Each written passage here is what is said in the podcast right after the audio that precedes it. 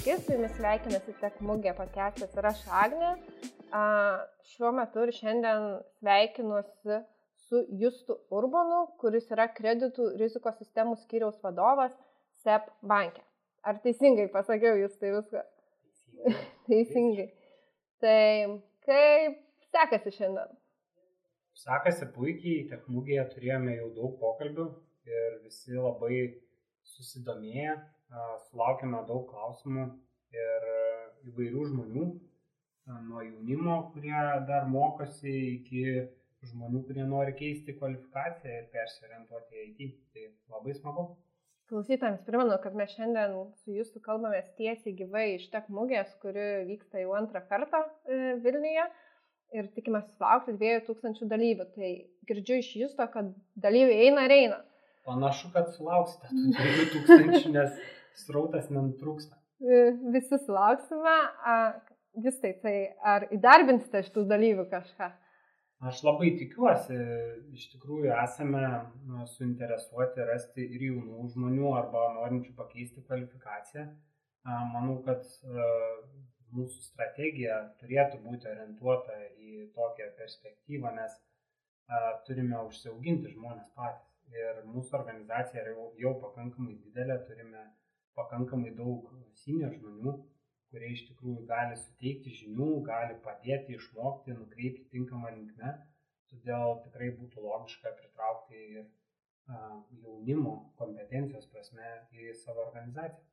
Tai girdžiu, kad yra viena pusė jaunimas, kurį siekite pritraukti, bet kartu nebijote ir turėti žmonių, kurie siekia persikvalifikuoti, pakeisti tą savo karjerą IT sritį. Ar turite tokių sėkmės istorijų pas save e, banke? Mm, turime keletą žmonių, kurie būtent sėkmingai pakeitė sritį. Aš pats pas save komandoje turiu du žmonės.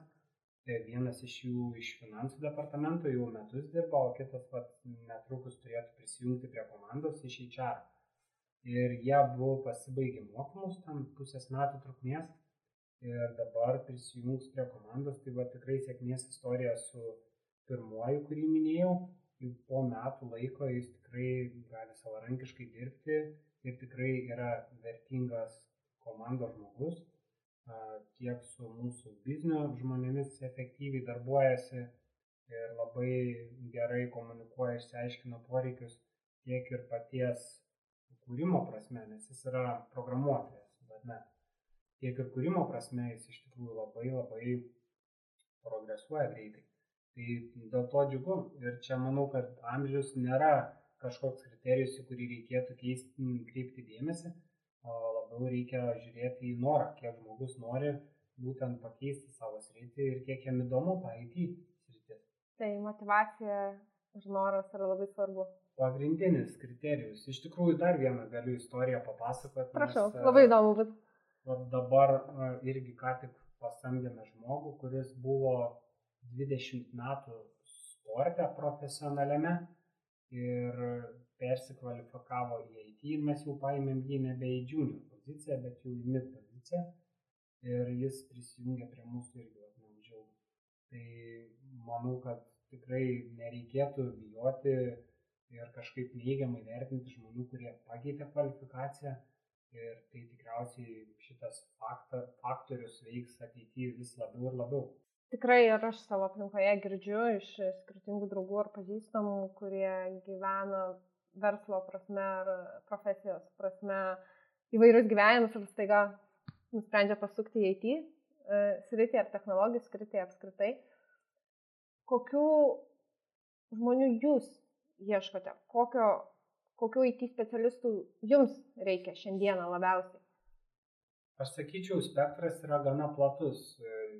Matosi tikriausiai iš ne vien tik mūsų, bet visų organizacijų skelbimų, e, ko ieškom. Tai mes dirbam su įvairiom technologijom, pradedant nuo C-Sharp, .NET, Javos, Node.js, kalbant apie frontendą, Angular, React, tai nu, čia tikriausiai galėčiau vardinti ir toliau, bet nežinau, ar yra prasmė. Iš kitos pusės ieškom ir kitokių specialistų, kurie dirbtų duomenų analize, kurie prižiūrėtų platformas, dirbtų kaip DevOps ir panašiai, nes nu, dauguma tikriausiai organizacijų juda link klaudo, net ir jeigu jos yra tokios institucijos kaip mes, finansinės, ir tai bet kokiu atveju įvyks anksčiau ar vėliau. Tada reikės ir šiek tiek kitokių kompetencijų žmonių, kurie mokėtų dirbti su klaudo platformomis, kurie mokėtų jas pritaikyti organizacijų poreikiams, net, tai bu, net jeigu tai bus paslauga. O jeigu galiu paklausti asmeniškai tavęs, tuomet kokia, kokia tavo yra profesijos kelionė? Aš karjeros. ekonomiką baigęs esu, tai nelabai e, susijęs su IT buvau iš to bakalauro savo, e, pavadinkim taip, bet aš jau dabar tikriausiai 14 metų su IT dirbu ir praktiškai iš karto ir pradėjau su tuo darbuotis. Pradėjau senokai kaip projektų vadovas, po to mane pasamdė įmonė, kad vystyčiau produktą, tai teko vystyti produktą ir nuo tada galbūt pradėjo tas, prasidėjo tiesioginis tas bendradarbiavimas su programuotojais, su komandomis, tai čia 12 metų. E, ir jo, nuo to laiko gal aš labiausiai pats į architektūrą orientuojuosi iš techninės pusės, o šiaip tai pagrindinis arkliukas ir tai, kas man labiausiai patinka ir veža, tai darbas su komanda. Tai, mano nuomonė, kad tas e, komandos vadovas jis neturi būti vien tik, nu, HR žmogus, tas, kuris pasamdo ir pasižiūri jis turi atnešti vertę komandai ir, ir pats. Ir aišku, kuo, kuo labiau brandesnę komandą tu turi, tuo sudėtingiau tą vertę atnešti. Tai kiek šiandieną tu savo komandoje turi žmonių? Dabar 17 turiu. Visa klasė? Panašiai. Gerai, kad nereikia pamokų, žinai, skaityti arba paskaitų vesti. Nereikia? Ar pasitaiko? Ne, nereikia, nereikia iš tikrųjų, nes jie yra pakankamai subrendę žmonės, ne, ne taip pasakiau, nepakankamai, bet tikrai subrendę žmonės.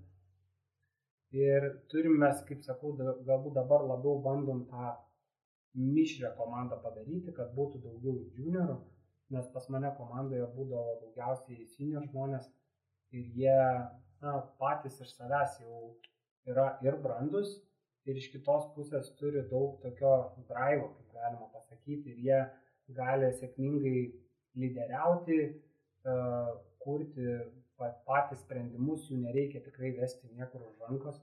Tai va tas labai džiugu. Aišku, tikėtina, kad ne visos komandos tokios kaip mano, bet aš, aš džiaugiuosi ten, kur pataikiau.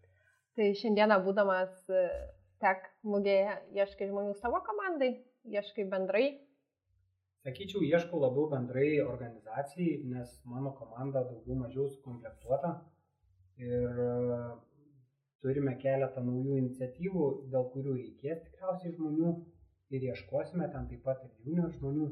E, tai bet bendras, sakyčiau, labiau tikslas yra daugiau surasti organizacijai, nes ir iš poreikio, kas ateina, tarkim, matosi, kad žmonės yra pasibaigę kursus ir, ir pamatę to IT pasaulio dar galbūt netiek daug jiem įdomu, pavyzdžiui, tik frontendas, bet jie galbūt su backendu net nėra padirbėję. Mhm. Tai, tai yra tas skirtumas nuo, tarkim, taip, kaip mato uh, visą IT sferą tai visiškai, visiškai pradedantys žmonės ir nuo to, kaip mato jau padirbėję.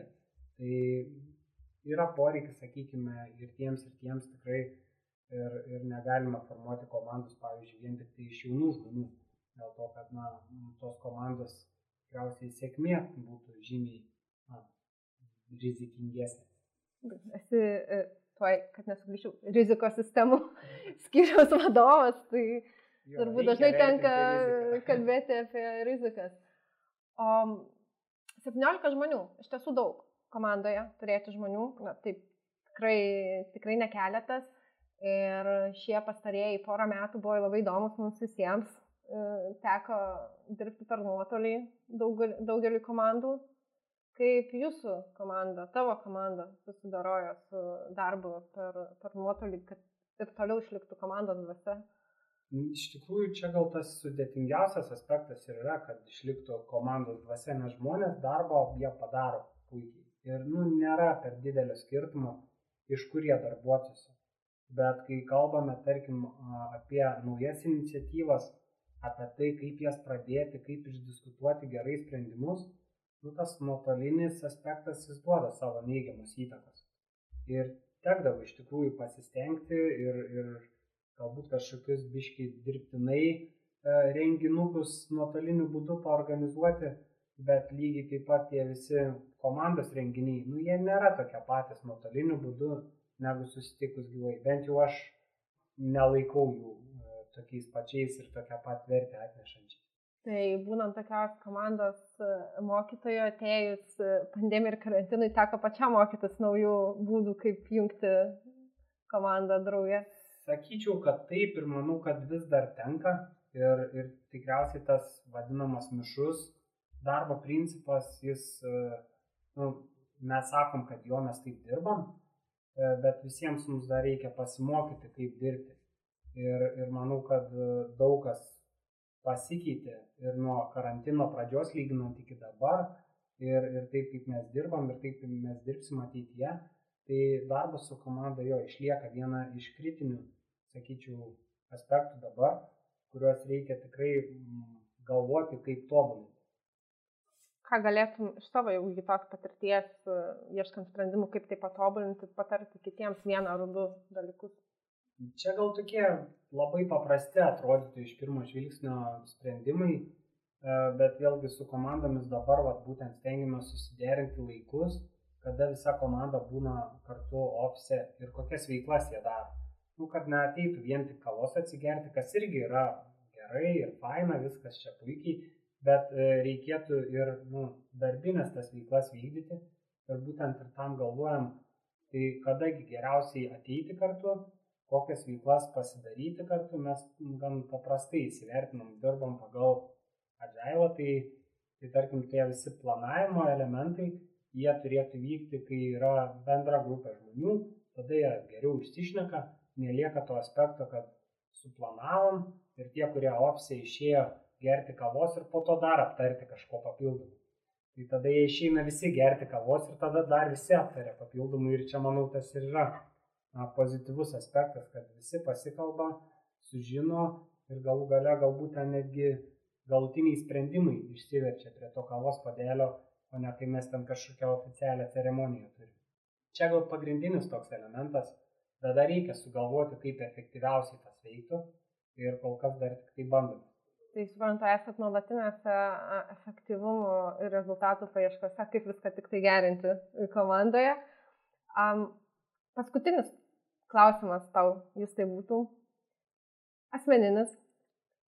Be kokios technologijos šiandieną, va šiandien tu neįsivaizduoji savo gyvenimo, ar tai būtų Spotify, Messengeris, kompiuteris, telefonas, kas tai būtų? Manau, kad galima sugalvoti atveju, kai visai praverčia neturėti nei telefoną, nei mhm. kompiuterio ir išeiti galbūt į mišką pasivaikščioti toliau.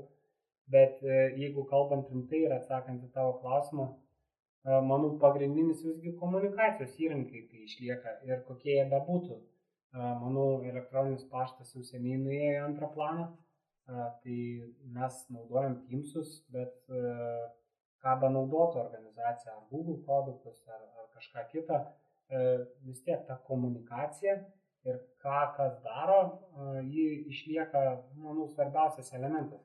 Nepriklausomai nuo to, ar tu dirbi HR, ar tu dirbi development. Nes jeigu, žinai, koks nors programuotojas sukomitins kodą ir nulauž kažkam kitam, jo dalį nu, tikriausiai nebus labai gerai. Tai, tai va šitie elementai komunikacijos jie yra tikrai labai svarbus Ir jo, mes galbūt Teamsus gerai įsivažiavam, tai manau, jie galbūt liktų svarbiausia. Organizacijai, o jo, asmeniškai. Asmeninė asmeniškai, tai jo, aš Teamsus irgi pats naudoju, tai gana, gana efektyvus uh, daiktas. Bet jo, man nematau problemos ir paskambinti, ir dar kažką padaryti. Tai bet koks komunikacijos kanalas, manau, yra svarbiausias tai, elementas. Svarbiausia technologija, komunikacijos įrankis. Taip, komunikacijos įrankis. Ačiū labai tau, kad sutikai šiandien pasikalbėti su manimi tiek mūgės metu, tiek mūgės podcast'e. Ir gerų darbų šiandieną. Ačiū. Ačiū tau.